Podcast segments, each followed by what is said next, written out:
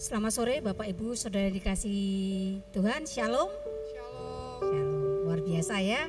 Eh, Kita sore ini mendapat curahan hujan berkat Hujan dalam arti sesungguhnya tapi juga berkatnya senantiasa kita rasakan. Baik Bapak Ibu Saudara dikasih Tuhan eh, Sebelum kita mengawali ibadah kita pada sore hari ini Saya akan membacakan beberapa pengumuman yang eh, ada mungkin ke- ketika tadi Bapak Ibu masuk ke, ke gereja ada eh, diberi warta jemaat ya. Ada beberapa hal yang bisa kita perhatikan di situ. Eh, yang pertama adalah segenap jemaat GPI Candi mengucap turut berduka cita atas meninggalnya almarhum Ibu Darmi. Ini ibunda dari Ibu Martini. Pada hari Selasa 4 Oktober 2022 kiranya Tuhan senantiasa memberikan kekuatan dan penghiburan bagi keluarga yang ditinggalkan. Persekutuan PBI akan diadakan pada hari Selasa tanggal 11 Oktober eh, 2022 jam eh, setengah tujuh malam atau 18.30 di gereja. Segenap kaum pria diundang untuk hadir. Kotak atau keranjang sosial Natal telah dibuka sampai dengan 18 Desember 2022.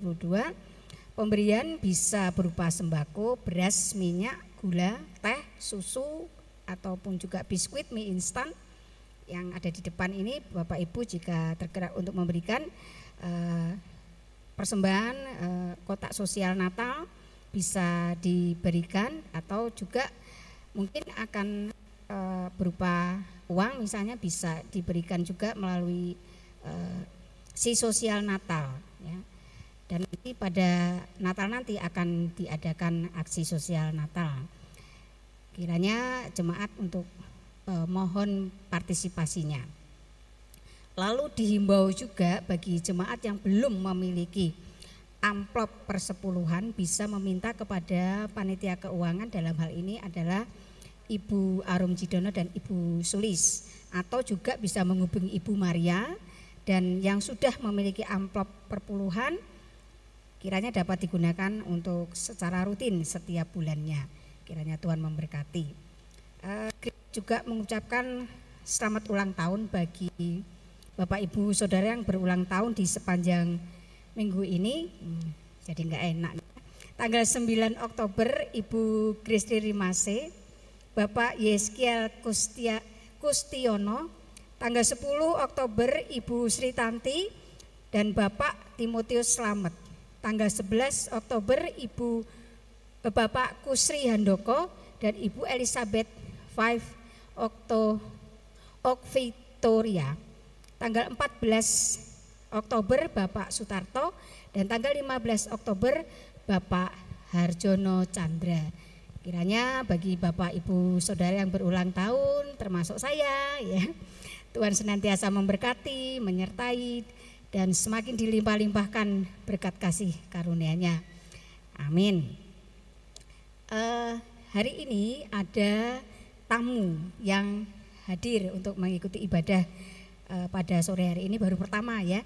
Silakan berdiri Mas Ronald atau Bapak Ronald Victor Waroka dari Surakarta. Oh Bapak Victor ya. Bapak Ronald ya. Ini berasal dari GKI Nusuan. Ya, selamat datang di Gereja Baptis Indonesia Candi. Selamat beribadah Pak. Kiranya bisa merasakan menikmati hadirat Tuhan ketika beribadah di gereja ini. Baik, mungkin ada lagi yang baru pertama kali hadir ibadah di Gereja Baptis Indonesia Candi? Tidak ada, semua jemaat Tuhan yang setia. Mari kita memulai ibadah kita pada hari ini. Kita akan mengawalinya dengan mendengarkan pembacaan Mazmur. Mari pujilah Tuhan, hai semua hamba Tuhan yang datang melayani di rumah Tuhan pada waktu malam. Angkatlah tanganmu ke tempat kudus dan pujilah Tuhan. Kiranya Tuhan yang menjadikan langit dan bumi memberkati engkau dari Sion. Amin. Saya mengajak kita semua untuk berdiri. Kita mau memasuki hadirat Tuhan, kita mau pujikan, kita mau satukan hati kita, kita mau menyembah dan mengagungkan Dia. Ku bersyukur Bapak.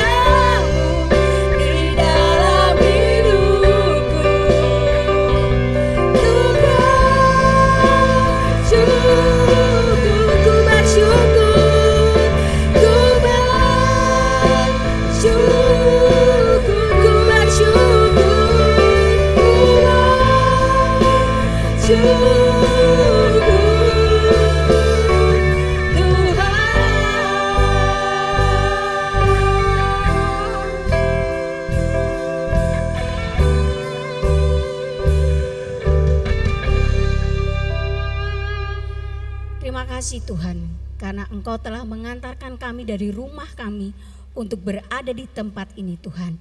Kami rindu, kami mau memuji Engkau, kami mau mengagungkan namamu. Kami mau memuliakan namamu Tuhan. Dan terlebih lagi Tuhan, kami rindu untuk mendengar Tuhan berfirman, Tuhan bersabda pada kami melalui hambamu. Tolong kami Tuhan, berbicaralah kepada kami melalui hambamu. Sehingga kami dikuatkan, sehingga kami mendapatkan berkat kasih karunia yang luar biasa sehingga kami memiliki keberanian untuk kami dapat menjalani hari-hari kami ke depan. Tuhan pimpin ibadah ini dari awal pertengahan sampai pada akhirnya. Terlebih lagi Tuhan, jangan biarkan listrik mati Tuhan, tetapi kami boleh beribadah dengan menikmati berkat Tuhan dan terlebih lagi Tuhan listrik tetap menyala walaupun suasana hujan tetapi karena kasih karunia Tuhan kami mampu beribadah memuliakan dan mengagungkan namamu. Kami berdoa bagi anak-anakmu yang saat ini mungkin dalam perjalanan menuju ke tempat ini tolong mereka Tuhan. Antarkan mereka sampai di tempat ini dengan selamat. Terima kasih Tuhan. Kami serahkan ibadah kami dalam tangan kuasa engkau saja. Hanya dalam namamu kami sudah berdoa. Amin. Amin. Kita masih berdiri ya Bapak Ibu Saudara ya. Tema gereja kita bulan ini adalah satu hati dan satu suara untuk memuji Tuhan. Kita rindu, kita mau terus memuji Tuhan, mengagungkan namanya dan bersuka cita dalam kehidupan ini. Kita mau katakan haleluya, aku mau memuji Tuhan dan kita akan lanjutkan dengan bersorak-sorak dan memuliakan namanya. Kita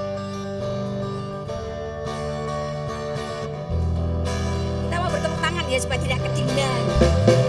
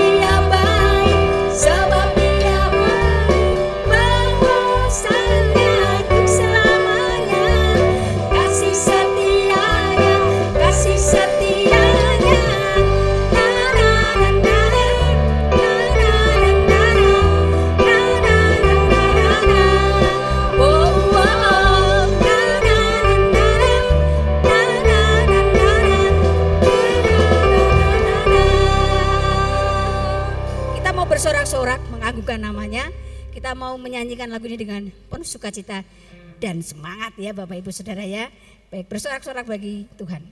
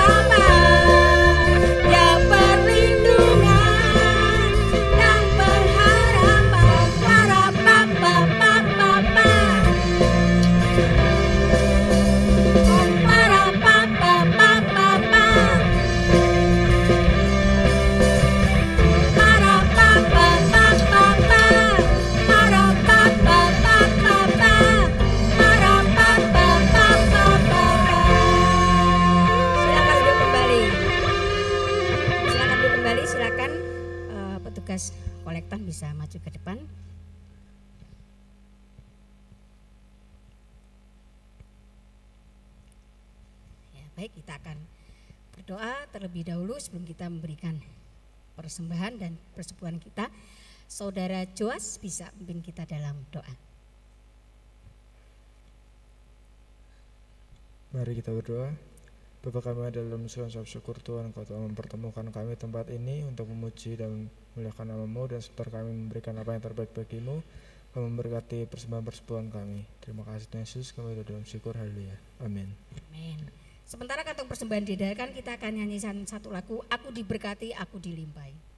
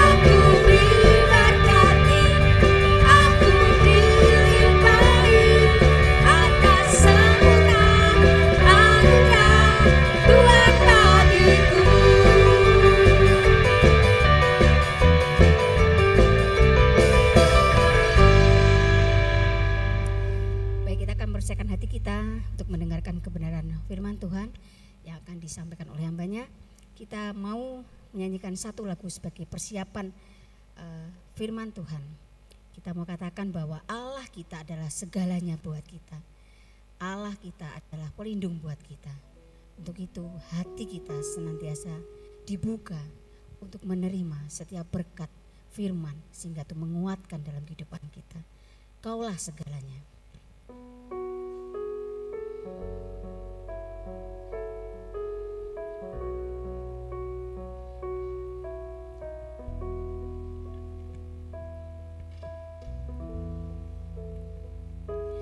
Kau Bapa yang mengasihiku Kuasamu memulihkanku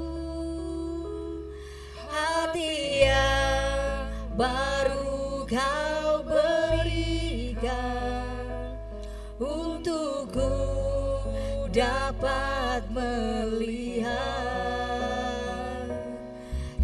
jangan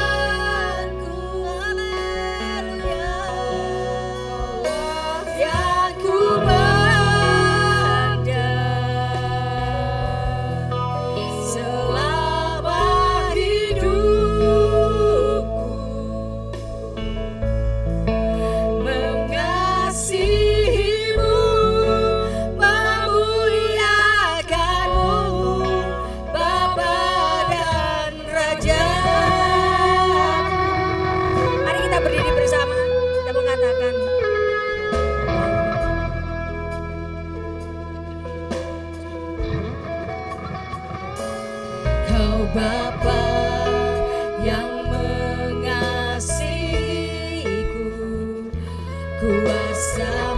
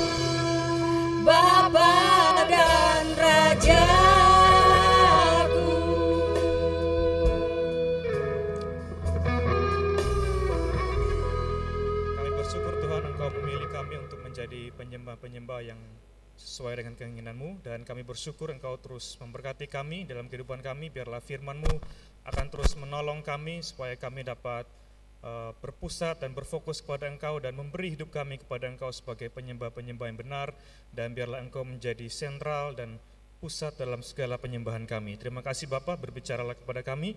Kami menyerahkan waktu pemberitaan firman-Mu ke dalam tangan kuasa-Mu. Di dalam nama Yesus yang berdoa. Haleluya. Amin. Baik, silakan duduk kembali. Bapak Ibu yang terkasih dalam Tuhan. Malam hari ini saya akan berkhotbah dari Roma 12 ayat 1 sampai 2 dan juga Yohanes 4 ayat 23 sampai 24. Tadi Pendeta juga sudah menyampaikan bagian ini dan mari kita akan bersama-sama melihat akan firman Tuhan dalam kitab Roma pasal 12 ayat 1 karena itu, saudara-saudara, demi kemurahan Allah, aku menasihatkan kamu supaya kamu mempersembahkan tubuhmu sebagai persembahan yang hidup, yang kudus dan yang berkenan kepada Allah, itu adalah ibadahmu yang sejati. Bapak Ibu yang terkasih dalam Tuhan, kalau kita berbicara mengenai ibadah, apa yang sering kali kita pikirkan? Mungkin kita berpikir kalau ibadah adalah sesuatu yang berkaitan dengan bagaimana kita uh, datang ke rumah Tuhan, memuji, memuliakan Tuhan, uh, memberikan persembahan, dan juga mungkin kita uh, ada menyapa satu dengan yang lainnya. Dan mungkin itu juga sering muncul dalam kehidupan orang-orang di gereja-gereja dengan menganggap bahwa ibadah itu hanyalah sesuatu yang muncul pada hari Minggu. Ya, dengan segala macam uh, liturgi dan juga acara yang dikemas demikian rupa supaya menarik dan juga dapat dirasakan oleh setiap uh, jemaat yang hadir. Sehingga muncul perdebatan-perdebatan yang sering kali uh, kita lihat bahwa ibadah seperti apa yang sesuai ya, dengan uh, kehendak Tuhan ya. Ada yang gereja dengan mempertahankan uh, tradisional ya, hanya pakai piano ya, nggak boleh pakai drum dan lain sebagainya. Ada juga gereja yang sudah modern dengan menggunakan ibadah kontemporer ya dan ibadah yang dengan dikemas dengan sedemikian rupa. Nah, Bapak Ibu yang terkasih dalam Tuhan bahwa kehidupan kita uh, tidak hanya dibatasi di dalam kehidupan kita beribadah setiap minggu. Bahkan uh, Tuhan mengatakan di dalam Amos pasal 5 ayat 21 sampai 23 dia membenci akan apa yang dilakukan oleh orang Israel walaupun mereka melakukan dengan begitu baiknya bahkan mereka mengemas ibadah mereka dengan sangat profesional tetapi Tuhan mengatakan bahwa jauhkanlah keramaian nyanyianmu dan lagu gambusmu aku tidak mau mendengar. Karena bangsa Israel walaupun mereka menyembah Tuhan dengan upacara-upacara yang begitu megah tetapi hati mereka tidak melekat kepada Tuhan. Mereka masih melakukan dosa, bahkan mereka masih menyembah berhala-berhala. Sehingga Tuhan mengatakan bahwa apa yang mereka lakukan itu tidak berkenan di hadapanku. Bapak Ibu yang terkasih dalam Tuhan, di dalam perjanjian baru, Paulus mencoba untuk melihat bagaimana ibadah yang sejati yang harus dimiliki oleh orang-orang percaya. Kita tidak hanya dibatasi dengan gedung ini saat kita datang menyembah Tuhan, tetapi lebih daripada itu Paulus mengatakan bahwa seluruh hidup kita itu adalah ibadah yang sejati di hadapan Tuhan. Paulus mengatakan bahwa karena itu saudara-saudara demi kemurahan Allah aku menasihatkan kamu supaya kamu mempersembahkan tubuhmu sebagai persembahan yang hidup, yang kudus dan berkenan kepada Allah. Bapak Ibu yang terkasih Tuhan bahwa bagian yang pertama ibadah yang sejati yang harus kita lakukan dalam kehidupan kita adalah kita mempersembahkan tubuh kita. Memberi tubuh kita. Ya, ini bukan berkaitan dengan kita memberi tubuh kita ke dalam kantong ya. Tapi ini Paulus berbicara bagaimana seluruh aspek hidup kita, baik tubuh, jiwa dan roh itu dipersembahkan seluruhnya kepada Tuhan. Kalau kita melihat kitab Roma bagaimana Paulus menjelaskan bahwa pada mulanya, pada awalnya manusia adalah orang-orang yang hidup di bawah kuasa dosa. Tetapi pada saat Yesus datang, dia membawa perdamaian, dia membawa umat manusia untuk masuk ke dalam kehidupan yang baru di dalam dia.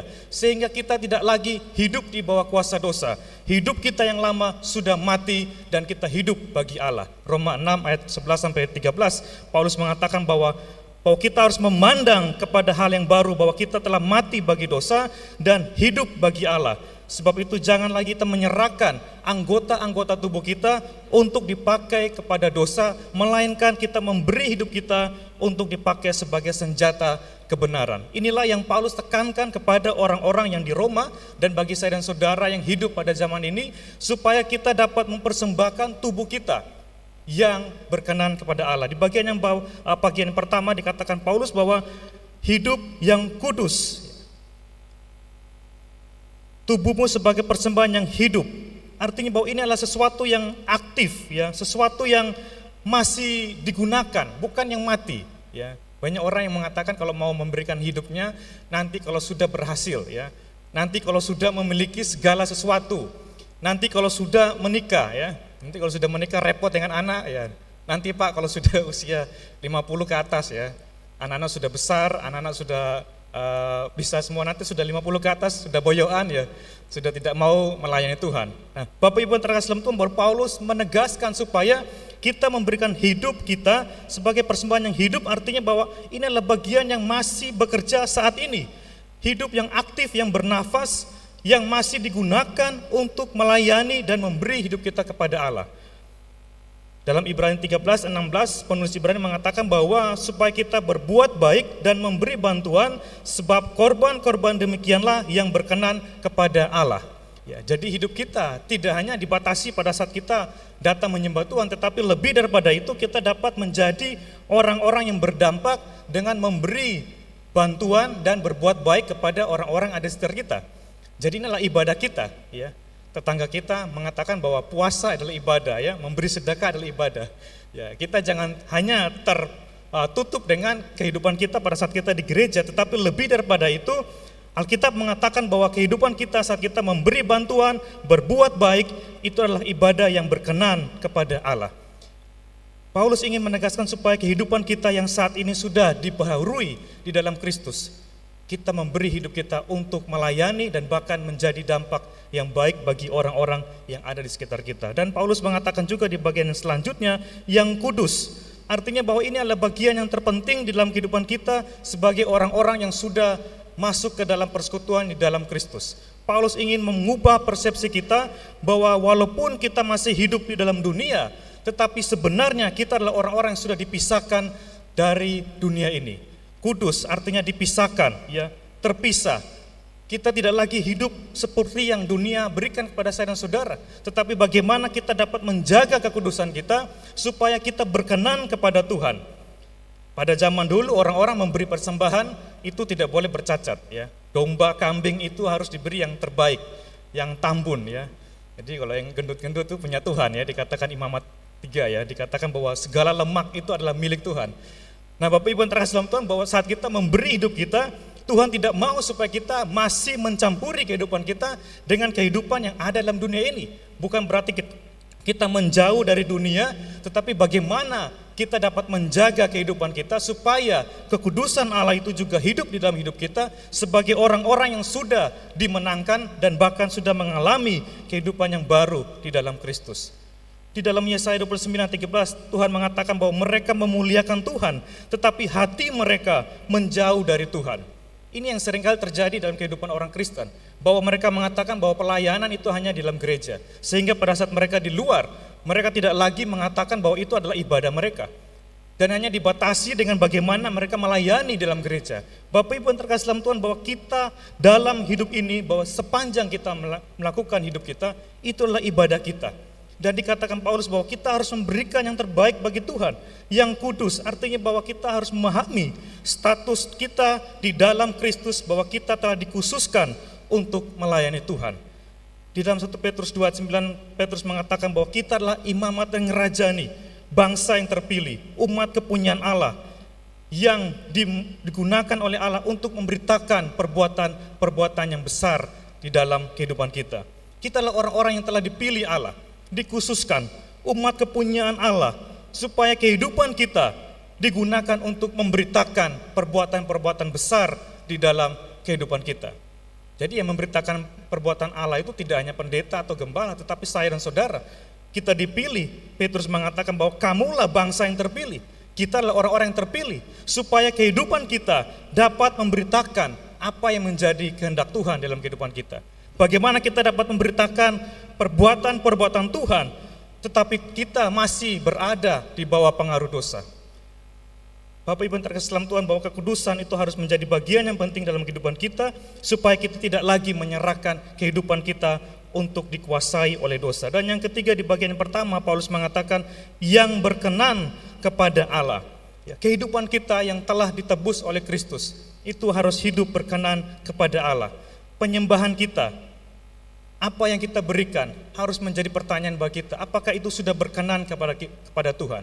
Kita melayani Tuhan, kita memberi hidup kita, itu bukan supaya kita disenangkan, bukan orang lain disenangkan, tetapi bagaimana Tuhan disenangkan di dalam kehidupan saya dan saudara lewat setiap pelayanan maupun di setiap pelayanan dan penyembahan kita.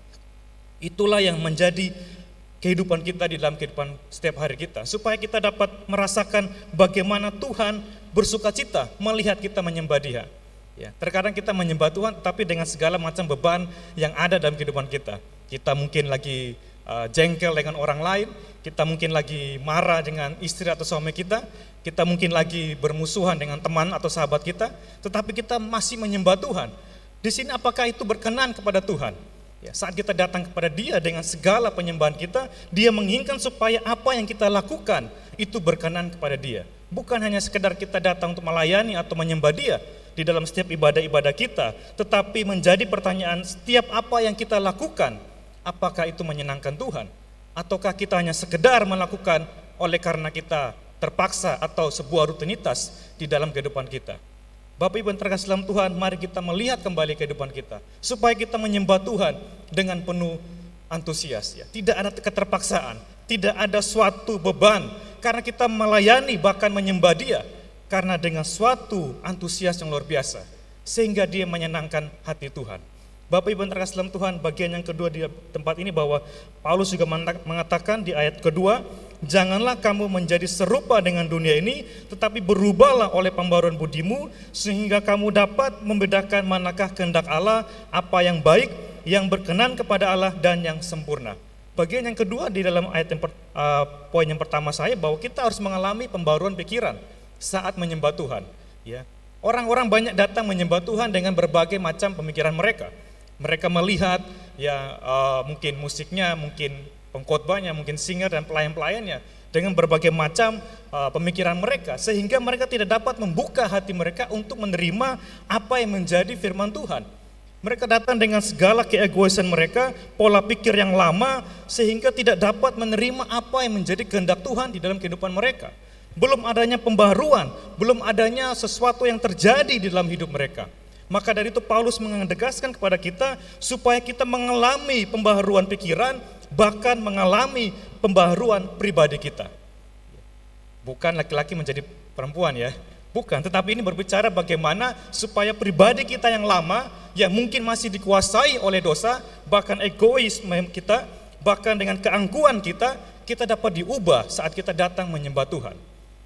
Kalau kita datang menyembah Tuhan dengan segala kesombongan kita, kita bisa, kita mampu, maka kita tidak akan merasakan hadirat Tuhan. Karena kita masih mengandalkan pikiran kita yang lama. Kita masih mengandalkan segala kemampuan kita. Tetapi mari kita datang dengan segala kerendahan hati kita. Bahwa hanya dialah yang mampu membuat kita merasakan apa yang menjadi beban kita dalam kehidupan kita. Supaya hati kita terbuka, supaya pikiran kita terbuka, supaya kita dapat menerima firman-Nya dan kita dikuatkan. Setiap puji-pujian penyembahan kita itu akan menjadi kekuatan bagi kita saat kita mau mengalami perubahan di dalam pribadi bahkan pikiran kita. Seperti yang Paulus katakan di dalam ayat kedua ini. Bapak Ibu terkasih dalam Tuhan ini menjadi kekuatan bagi kita supaya kita datang dengan segala penyembahan kita. Dan di bagian yang kedua saya akan berkhotbah dalam kitab Yohanes pasal 4 ayat 23 sampai 24 dikatakan bahwa ibadah kita harus menjadi fokus di mana Yesus menjadi utama. Kita akan melihat dalam Yohanes pasal 4 Yohanes pasal 4 ayat 22 sampai 23. Ada 23 sampai 24. Tetapi saatnya akan datang dan sudah tiba sekarang bahwa penyembah-penyembah benar akan menyembah Bapa dalam roh dan kebenaran sebab Bapa menghendaki penyembah-penyembah demikian. Allah itu roh dan barang siapa menyembah dia harus menyembah dalam roh dan kebenaran. Yang kedua dalam khotbah saya bahwa kita harus menjadikan Kristus sebagai pusat penyembahan kita. Pada zaman dahulu orang-orang Israel mereka membawa korban-korban untuk dipersembahkan kepada Tuhan. Tetapi bagian ini Yesus ingin menegaskan supaya mereka melihat bahwa apa yang menjadi pusat sentral utama di dalam penyembahan orang-orang Yahudi atau orang-orang Samaria itu bukan lagi masalah tempat atau bukan lagi masalah situasi tetapi bagaimana Kristus menjadi pusat dari penyembahan setiap orang-orang yang percaya kepada Dia. Di dalam ayat 20 26 dikatakan bahwa kata Yesus kepadanya, akulah dia yang sedang berkata-kata dengan engkau. Bapak Ibu yang terkasih dalam Tuhan, Yesus harus menjadi inti penyembahan kita di dalam kehidupan kita. Ini berbicara bagaimana Yesus yang sudah menjadi korban penebusan bagi saya dan saudara, dan dia menjadi bagian yang terpenting dan utama dalam kehidupan kita. Dikatakan dalam Ibrani 10 ayat 19 21 dikatakan bahwa oleh karena darah Kristus kita dengan penuh keberanian dapat masuk ke dalam tempat kudus karena ia telah membuka jalan yang baru untuk menuju kepada hadirat Allah. Bapak Ibu yang terkasih dalam Tuhan bahwa kita memberikan diberi keberanian untuk datang kepada Dia karena Yesus telah menjadi pusat sentral di dalam kehidupan kita ini memberikan penegasan kepada saya dan saudara bahwa kita sebenarnya tidak ada apa-apanya saat kita datang kepada Dia. Kristus adalah bagian yang terpenting dalam ibadah dan penyembahan kita. Pada saat kita datang mungkin dengan segala mungkin kecakapan kita, mungkin dengan segala kemahiran kita dalam melayani Dia, tetapi tanpa Kristus, maka semua yang kita lakukan tidak ada apa-apanya. Dan ini memberikan pemahaman bagi saya dan saudara, supaya dia menjadi sentral di dalam kehidupan saya dan saudara pada saat Kristus menjadi pusat hidup kita, maka kita akan datang ke ibadah kita dengan penuh antusias. Kita tidak lagi datang dengan kekosongan, kita tidak lagi datang dengan kekeringan, tetapi kita datang dengan segala penyembahan karena apa yang sudah Kristus lakukan di atas kayu salib bagi saya dan saudara, itulah yang membuat kita datang untuk menyembah Dia. Kita sering kali datang ibadah karena hanya terbiasa ya. Ya ini hari Minggu datang ibadah biasa ya datang. Tapi kita jarang sekali menyelami bagaimana Kristus melakukan pengorbanan di atas kayu salib sehingga kita bisa masuk dan merasakan hadirat Tuhan dan bertemu dengan Bapa secara langsung seperti yang dikatakan oleh Ibrani. Inilah yang harus menjadi perenungan kita supaya ibadah-ibadah kita tidak hanya mengalami sebuah rutinitas, bukan hanya sebuah uh, saat momen di mana kita karena hari Minggu saya harus ke gereja. Tetapi bagaimana kita menyelami apa yang sudah dilakukan oleh Kristus di dalam kehidupan saya dan saudara, bagaimana dia disalibkan, dia mati bagi saya dan saudara, dan itulah yang membuat kita datang dengan penuh antusias dan kagum dan hormat bagi dia karena apa yang sudah dia lakukan kepada saya dan saudara di dalam kehidupan kita. Bapak Ibu terkasih dalam Tuhan, Yesus mengatakan bukan lagi di Yerusalem atau di Gunung Gerizim, tetapi orang-orang akan menyembah di dalam roh dan kebenaran. Menyembah Bapa dalam roh dan kebenaran. Ini menjadi kekuatan bagi saya dan saudara supaya kita senantiasa mengalami penyembahan yang penuh antusias. Karena kita menyembah Allah yang hidup. Ya. Kita menyembah Allah yang luar biasa di dalam pribadi Yesus Kristus. Oleh karena itu, siapakah yang menjadi fokus utama kita dalam penyembahan kita? Apakah diri kita supaya orang melihat, ataukah uh, mungkin kehidupan kita, maka Tuhan Yesus menjadi fokus utama dalam hidup saya dan saudara. Sehingga di dalam kehidupan kita, dia layak mendapatkan penghormatan. Dia layak mendapatkan segala yang terbaik di dalam hidup saya dan saudara. Bukan hanya saat berbicara di dalam gereja, tetapi bagaimana seluruh kehidupan saudara menjadikan Kristus sebagai pusat, sentral, dan pokok di dalam kehidupan kita. Sehingga senantiasa nama Tuhan dipermuliakan di dalam hidup saya dan saudara. Setiap hari ya, Yesus menjadi sentral hidup kita. Bahwa kita tidak dapat melakukan apa-apa tanpa dia. Ya, kita tidak bisa merasakan apa-apa tanpa Kristus. Dan itulah yang menjadi kehidupan penyembahan kita. Supaya dia menjadi sentral hidup kita. Bukan harta kita, ya, bukan kekayaan kita, bukan karena kehebatan kita, tetapi karena apa yang sudah Yesus lakukan, dan itulah yang membuat kita dapat berani masuk dan merasakan hadirat Tuhan. Dan bagian yang kedua dikatakan kita harus menyembah dalam roh dan kebenaran. Ini menunjukkan bagaimana sikap hidup kita di dalam menyembah Tuhan. Hal ini menunjukkan bahwa kita harus menyembah Dia dari inti terdalam kita. Roh kita, ini berbicara spirit kita. Bagaimana kita terkoneksi dengan Allah, ya. Roh tidak dapat dibatasi dengan ruang dan waktu. Yesus ingin supaya kita menyembah Dia bukan hanya karena rutinitas atau ritual-ritual yang dilakukan oleh orang-orang, tetapi bagaimana kita terkoneksi dengan Allah itu tanpa dibatasi atau tanpa disekat oleh apa pun juga. Dan kita dapat langsung bertemu dengan Tuhan lewat roh kita. Dan inilah yang dikatakan dalam Amsal 20 27 mengatakan bahwa roh manusia adalah pelita Tuhan yang menyelidiki seluruh lubuk hatinya. Roh manusia adalah pelita Tuhan. Tuhan mengkoneksikan hidup kita supaya roh kita terkoneksi dengan Tuhan. Sehingga pada saat kita datang, tidak ada yang tertutup di hadapan Tuhan. Ya. Saat kita menyembah dia, tidak ada yang tersembunyi. Karena semua bagian hidup kita terbuka di hadapan dia. Dan inilah yang menjadi penyembahan kita. Ya. Kita tidak bisa memakai topeng ataupun uh, memakai atribut yang lain saat kita datang kepada dia. Karena saat kita datang kepada dia, rohnya menyelidiki hati kita. Dan Tuhan mengetahui apa yang menjadi maksud dan keinginan kita. Seperti yang dikatakan dalam pasal uh, Roma 8. Bahwa Tuhan menyelidiki hati kita, rohnya menyelidiki hati kita sehingga kita dapat mengatakan apa yang tidak mungkin bagi kita dan roh itu menerjemahkan apa yang menjadi keinginan kita kepada Tuhan.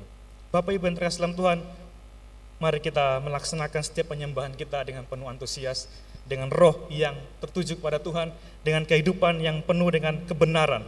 Yesus mengatakan dengan kebenaran ini berkaitan dengan bagaimana kita menyembah dia dengan benar di hadapan Tuhan. Kita menyembah dia karena dia adalah Allah yang benar dan juga bagaimana dengan penyembahan kita. Apakah kita menyembah Dia hanya karena uh, sebuah rutinitas ataupun sakarapnya kita, ya, semampunya kita, ya, kita melakukan penyembahan karena mungkin uh, apa yang kita lakukan itu karena biasa, tapi Yesus ingin supaya kita melakukan penyembahan kita dengan benar, dengan kebenaran menunjukkan bagaimana supaya kita dapat memberi yang terbaik bagi Tuhan di dalam setiap penyembahan kita.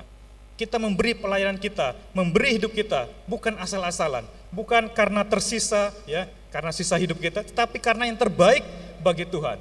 Dengan benar, dengan apa yang terbaik bagi Tuhan.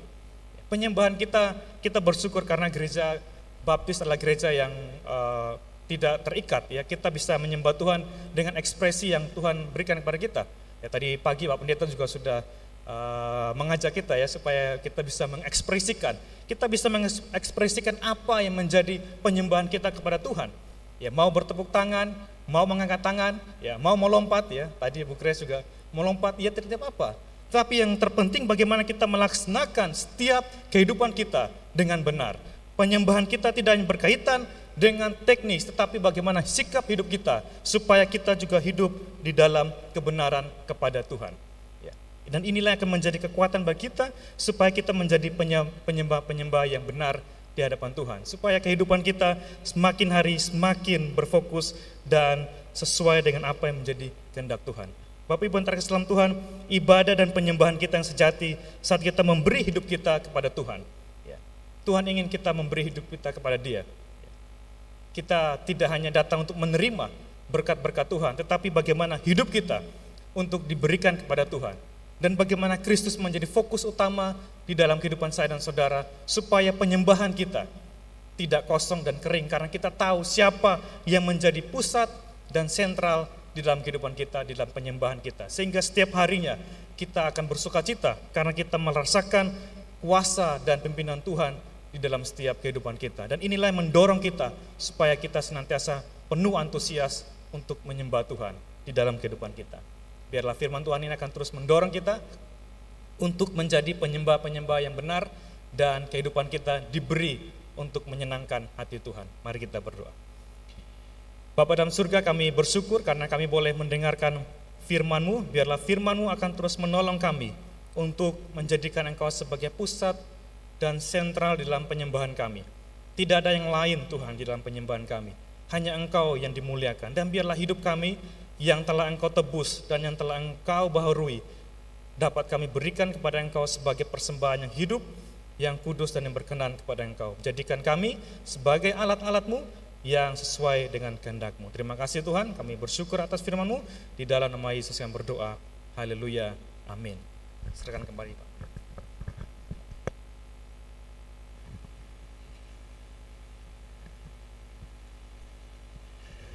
Terima kasih Pendeta Muda Bayu sudah menyampaikan firman Tuhan untuk kita. Mari saudara-saudara kita akan berdiri bersama, kita akan berdoa syafaat dan menutup dengan doa berkat.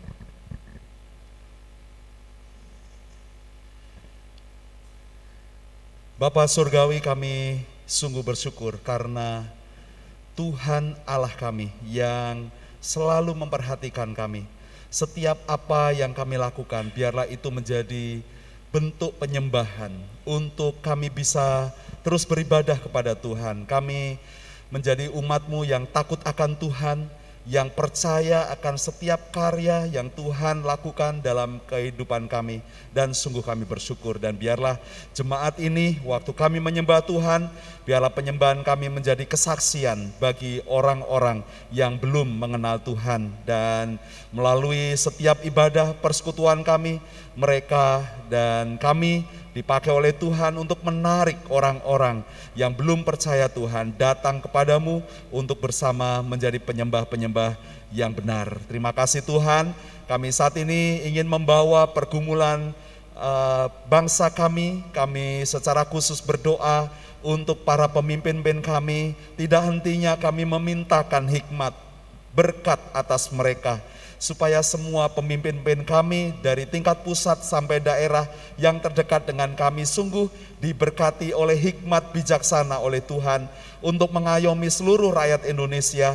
Mereka dipakai oleh Tuhan untuk memberikan peluang kesejahteraan bagi uh, seluruh rakyat Indonesia di mana pun mereka berada, memberikan sejahtera baik secara sosial, ekonomi, uh, secara keamanan, hukum, dan politik sekalipun dan biarlah rakyat Indonesia yang masih ada di masa pandemi ini yang juga bergumul dengan krisis ekonomi, krisis pangan yang secara global sedang melanda bencana di mana-mana yang sedang terjadi. Bapak berkatilah, biarlah uh, bangsa kami akan diberikan bahu yang kuat untuk menanggung segala sesuatu karena Tuhan yang memberikan kekuatan dan kesejahteraan yang dibukakan oleh Tuhan, diberkati oleh Tuhan sehingga semua dari pemimpin sampai dengan uh, warga masyarakat kami dapat menikmati sejahtera itu dalam kehidupan mereka secara nyata. Terima kasih Tuhan, kami terus berdoa untuk kedamaian,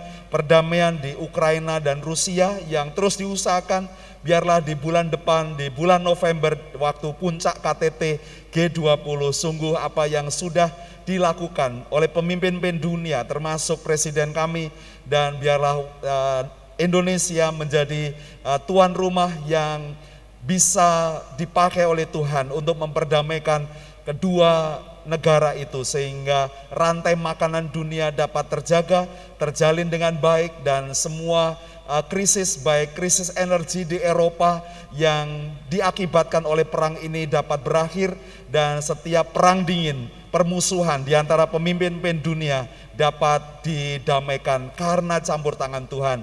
Dan biarlah kami dapat mengatasi persoalan-persoalan ke depan secara global yang mungkin lebih sulit, lebih pelik lagi, tetapi kami percaya dengan kesehatian, kesatuan pemimpin-pemimpin dunia dapat mengatasi masalah-masalah ke depan yang lebih buruk. Sehingga kami mendapatkan sejahtera secara global masyarakat yang dilanda dengan kelaparan di uh, Afrika, di uh, beberapa negara Asia karena konflik supaya mereka juga dapat mengasihi warganya, mengasihi sesamanya. Dan itu panggilan bagi kami. Terima kasih Tuhan untuk pelayanan yang terdekat yang Tuhan percayakan melalui pelayanan di gereja ini.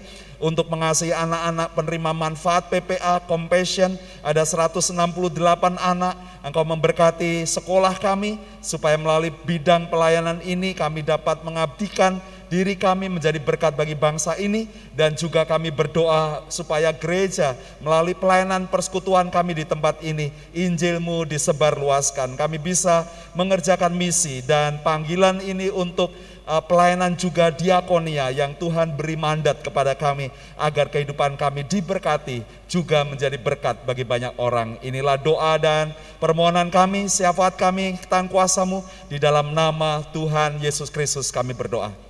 Jemaat Tuhan pulanglah, bawalah berkat dan kasih sayang dari Bapa di dalam Tuhan Yesus Kristus dan Roh Kudus dengarkanlah dia. Maka dia akan memberitahukan jalan-jalannya kepadamu sehingga engkau diberkati. Diberkati dengan kasih dan sukacita. Kebajikan dan kemurahan Tuhan akan mengikutimu ke mana pun kau pergi. Engkau akan diberkati dengan kesehatan, perlindungan dari segala macam penyakit dan bahaya. Dia akan memberkatimu dengan anak-anak, keturunanmu akan menjadi berkat bagi bangsa-bangsa. Dia akan memeliharakan kehidupanmu secara total, melimpahkan rezeki dengan murah hati, dan setiap tangan-tanganmu yang bekerja diberikan keterampilan, keberhasilan, dan keberuntungan. Dan saksikanlah pada orang lain apa yang sudah Bapamu perbuat dalam kehidupanmu sehingga orang dapat melihat perbuatan Bapamu yang baik, Bapa yang kau sembah itu dan juga mereka menyembah Bapamu yang di sorga. Terima kasih Tuhan Yesus, inilah ibadah kami, korban syukur dan puji-pujian kami naikkan untuk Engkau saja, Yesus Kristus, Kepala Gereja kami, dari sekarang sampai selama-lamanya. Haleluya. Amin.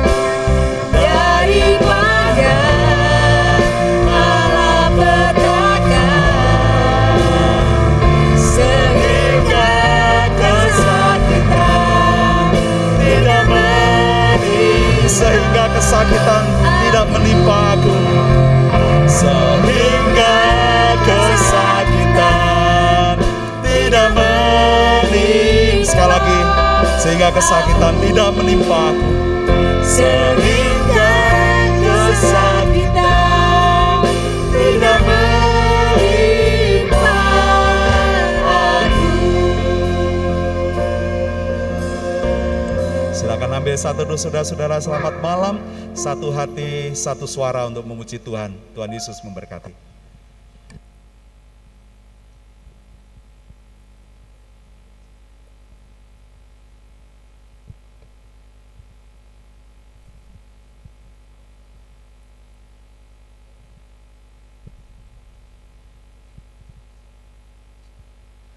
Selamat malam, Tuhan Yesus memberkati.